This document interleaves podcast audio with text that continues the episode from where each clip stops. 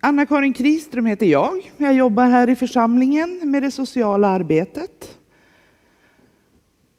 Den här veckan så har ju vi pastorer här i kyrkan tillsammans med 650 andra varit i Stockholm. Det har varit en nätverksträff för pingstpastorer, pingstpastor.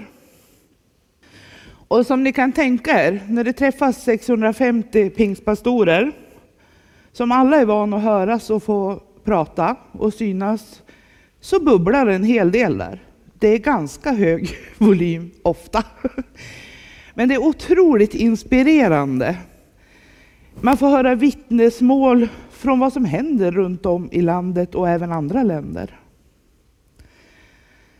Det är mycket bra start på det här året och fantastisk undervisning får vi också. Och för mig så har det betytt att jag har fått en ännu större längtan efter en förnyad och fördjupad kärlek till Jesus. Han som är den enda vägen till Gud. En längtan efter att få se fler lärjungar som stiger fram. Att få mer av den helige Ande och att helt och fullt bara få följa Jesus. Det är en fantastisk start på det nya året. Året som ligger framför oss som ett oskrivet blad. Att tillsammans få lyssna in Gud och höra vad vill han säga till oss. På samma sätt gör vi också här i församlingen. Vi börjar ju alltid året med böneveckor. För att stanna upp, lyssna in, vad vill Gud säga? Så har även äldste och pastorer gjort redan innan för, förra året var slut. Vi har bett och lyssnat in. Gud, vad vill du med vår församling? Vart vill du att vi ska gå? Och det har lett till årets nya versioner som kommer att presenteras sen på årshögtiden. Förra veckan var det Birgitta som var och predikade. Hon pratade om årslutet, att det får vara en tid för att blicka bakåt på det som har varit, men med framtiden i sikte. Hur har jag kommit dit jag ville förra året? Hur är min Jesusrelation? Och jag tror också att det är viktigt att stanna upp och blicka bakåt att reflektera över det som har varit, vad som har blivit bra, vad som blev mindre bra. Vad kunde jag ha gjort annorlunda? Tid för eftertanke. Men också komma ihåg att ja, men det som har varit, det är inget som jag kan förändra. Men jag behöver ju inte göra om samma misstag gång på gång. Det tror jag är orsaken till varför backspegeln är så mycket mindre än vad framrutan är i bilen. Vi kan inte se allt bakåt, men vi får en blick av det och det, det behöver vi. Vi behöver få blicka bakåt på saker som har hänt. Vi har inte heller fått fjärrsyn, så vi kan inte se in i framtiden. Utan vi måste fokusera på här och nu. Och det tror jag också är någonting som är väldigt viktigt för var och en av oss. Helst i den här stressade tiden vi lever i just nu. I Jesaja 43, verserna 18 och 19. Jag har att ta det lite lugnt så Olle som tolkar ska hänga, hänga med. Så står det så här. Tänk inte på vad som har hänt. Bry er inte om det som var förr. Se, jag gör någonting nytt. Redan nu visar det sig, märker ni det inte? Jag ska göra en väg i vildmarken och strömmar i öknen. För mig är det så att jag älskar känslan av ett nytt år, ett oskrivet blad. Ett år som man kanske kan ana vad som kommer att hända, men egentligen så har jag ju ingen aning. Det beror ju antagligen på min personlighet för jag älskar överraskningar. Jag gillar förändringar. Men förväntan, det är ett ord som jag förknippar med ett nytt år. förväntan över vad Gud ska göra i mitt liv, i församlingen, med oss alla. Ett nytt år innebär ju också att jag, man, jag fortsätter, jag blickar lite bakåt, tittar på vad året, åren bakom har burit med sig. Jag får lära mig av mina erfarenheter. Vad bär jag med mig? Som man brukar säga, vad bär jag med mig i min ryggsäck? Men för att vi ska kunna packa ner mer i vår ryggsäck så måste man ibland packa upp saker också. Så att man får plats med nya äventyr. Man får lyfta upp saker som har hänt, man får värdera. Ska, det här ska jag fortsätta bära på det här? Vi får titta på vissa saker som vi bara behöver lägga bort. Det här behöver jag inte längre. Vissa saker kanske jag måste titta på och känna att ja, men det här ska jag fortsätta bära med mig. Jag kanske inte riktigt har bearbetat det än, så jag måste ha med mig det här. Jag måste jobba vidare på det här. Och vissa saker säger, jo men det här det är helt aktuellt att bära med sig fortfarande. Det där märkte jag faktiskt när vi var i Stockholm. Du vet, jag gick där och hade min resväska på hjul. Och jag vet inte hur jag bär mig åt, men den är alltid ganska fullpackad när jag far. Det finns aldrig så mycket onödig plats kvar i den. Så kom vi till Arlanda när vi skulle hem. Och så kom jag på, ja men i resväskan där hade jag både min platta, alltså padda.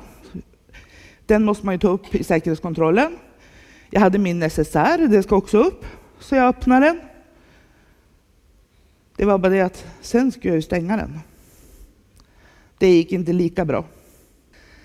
Så jag, för jag hade köpt böcker när jag var där nere. Så det fanns mer saker i än när jag åkte.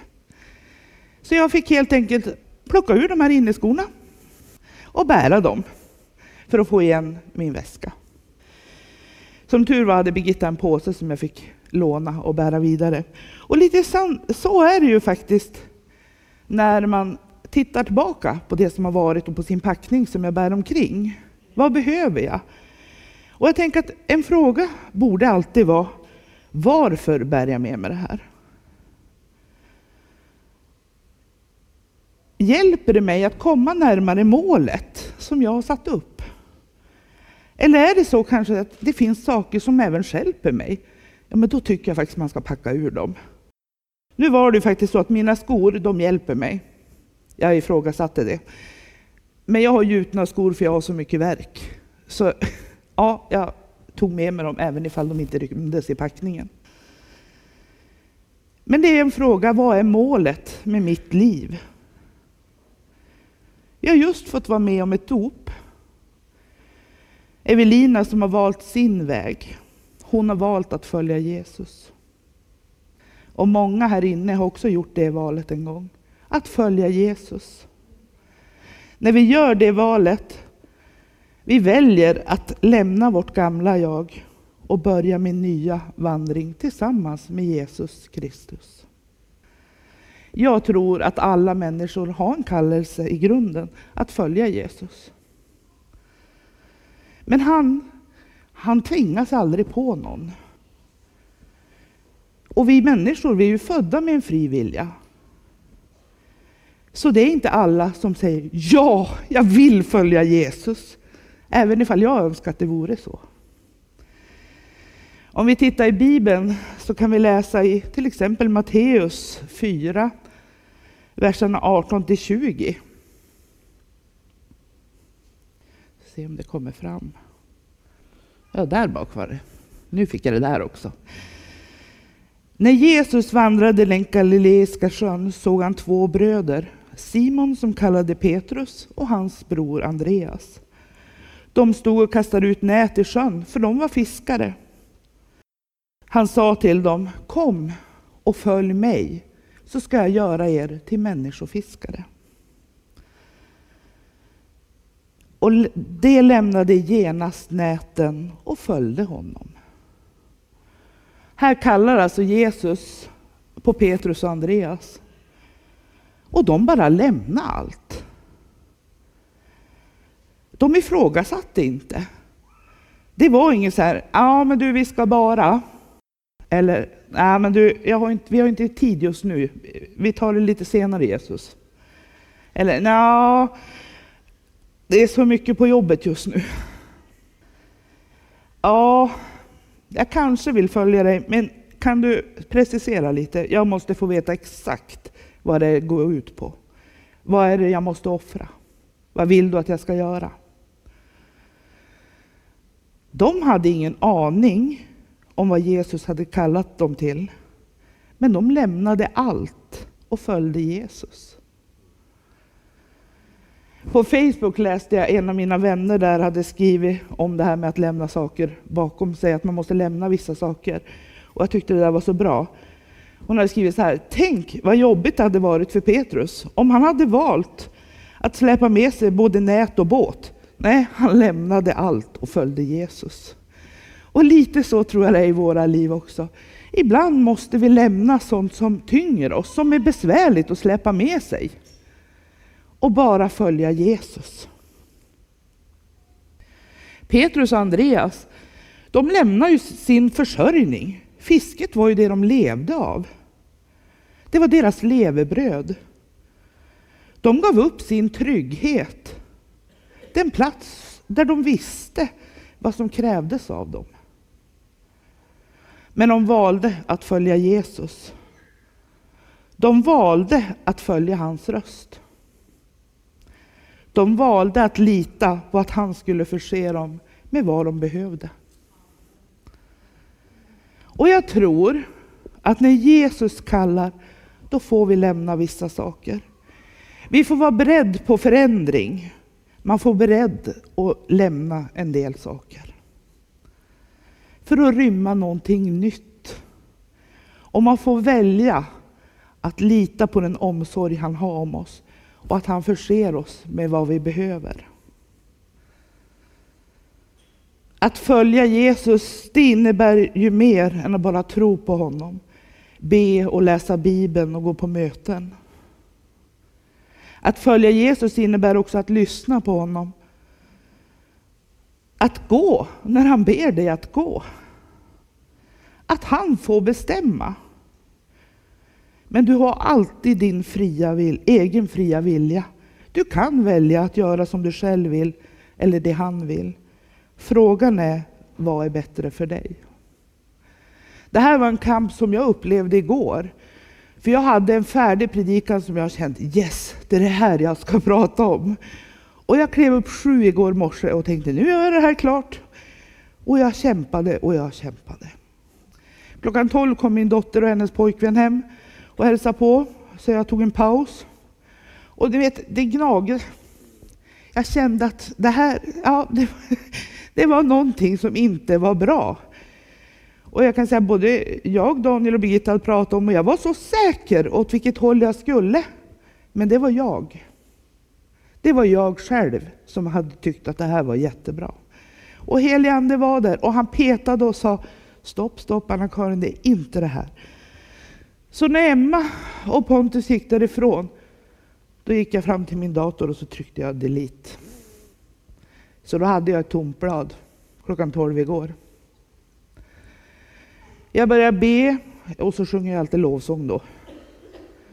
Och helt plötsligt satte jag mig i datorn och då kom det hur lätt som helst. Vad är det jag ska säga? Men det där är, kan vara en kamp. Och ska jag lyssna eller ska jag gå i min egen kraft? Ja, nu valde jag att trycka delete.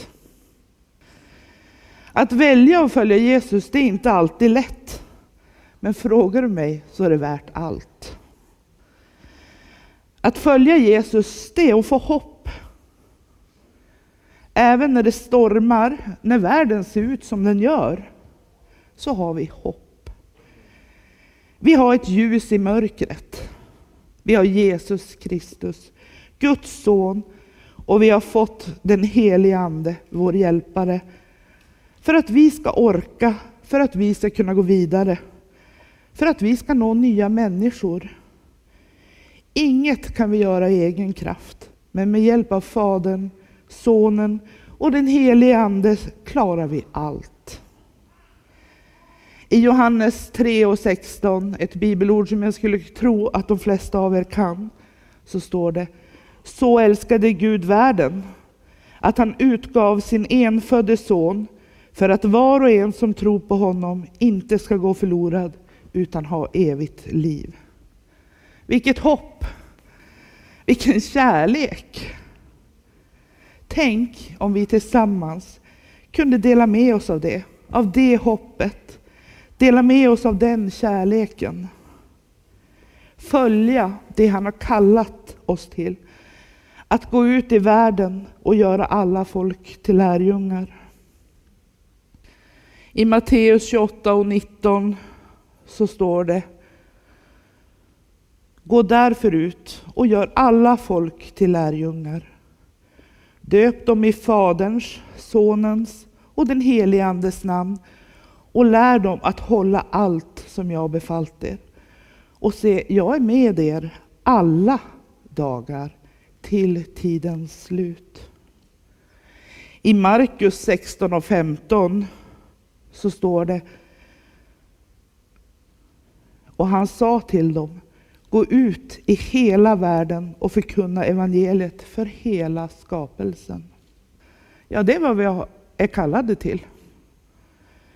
Och har du tänkt på vilket tillfälle vi har här i Skellefteå? Vi har många delar av världen representerade i vår stad, i Skellefteå. Vi har så många nationaliteter här i och med Northvolt. Vi har även ett väldigt aktivt missionsråd som också jobbar för att nå ut i världen. Men vi är alla olika. Vi har alla fått kallelsen att gå ut och göra lärjungar. Och hur gör vi det? Ja, det första tror jag är att fatta mod. Fatta mod att våga berätta att jag är kristen. Jag måste våga berätta om Jesus. Våga berätta på min arbetsplats, för våra grannar, för den vi möter som är på ICA när jag handlar, att det finns ett hopp. Det finns en väg, en väg där jag betyder något, där jag får vara älskad, där jag får vara unik. Det är att förkunna evangelium. Att berätta de goda nyheterna om att Jesus blev människa. Guds son som dog för våra synder. Men han också besegrade döden i och med sin uppståndelse. Och att berätta att det handlar bara inte om tro, utan det handlar om det som har hänt och att det gäller även idag. Och det gäller. Det gäller för dig, det gäller för mig, för oss alla. Bara jag väljer att följa Jesus varje dag, säga Jesus, här är jag, led mig idag, för mig närmare dig. Och jag tror det är så lätt att vi krånglar till det. Jag tror att vi gör det så mycket svårare och större än vad det är. Vi låter vår människofruktan styra. Och jag tror också att vi jämför oss med andra. Jag tänker att nej men det där klarar inte jag av. Jag är inte den där evangelisten. Eller jag är inte någon teolog.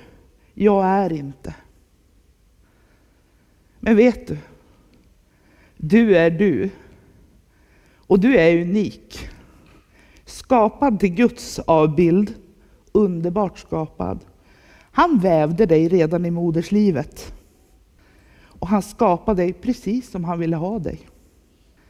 Du är skapad för att dela evangelium. Inte på mitt sätt, inte på Daniels sätt eller på någon annans sätt. Utan gör det på ditt sätt. Gör det inte krångligare än vad det är, men gör det inte själv, utan gör det tillsammans med Jesus han som alltid går med dig. Fråga honom, Jesus, vad vill du med mitt liv? Våga följa. Våga lämna det här trygga om han ber dig. Våga fråga, vad är det för någonting som tar bort mitt fokus? Så att jag inte kan komma nära dig. För det finns så mycket här i världen som stör oss med att umgås med Jesus. Vi har så många jag ska bara.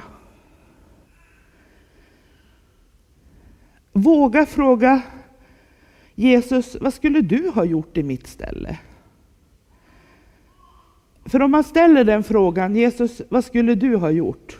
Då tror jag att det mesta vi gör blir väldigt bra. Våga vara sårbar. Våga be varandra om hjälp, för vi är en Guds familj. I Galaterbrevet 6 och 2 så står det Bär varandras bördor så uppfyller ni Kristi lag. Att bära varandras bördor, det kan ju vara både själsligt och bildligt. På Arlanda så tog Stu, han är pastor i eh, Pite, och bar min väska uppför trappen. Det är ett sätt att bära varandras bördor. Det hjälpte mig som har verk. Stanna upp och prata med den där ensamma människan du möter. Hjälp den som ska flytta. Bjud den hungriga på mat. Finns till för dina medmänniskor. Ett annat sätt att betjäna varandra kan vara genom förbön eller i själavård. Det är något som vi kan hjälpa till med och betjäna er här med i vår församling. Om en liten stund så kommer vi att gå in i förbön.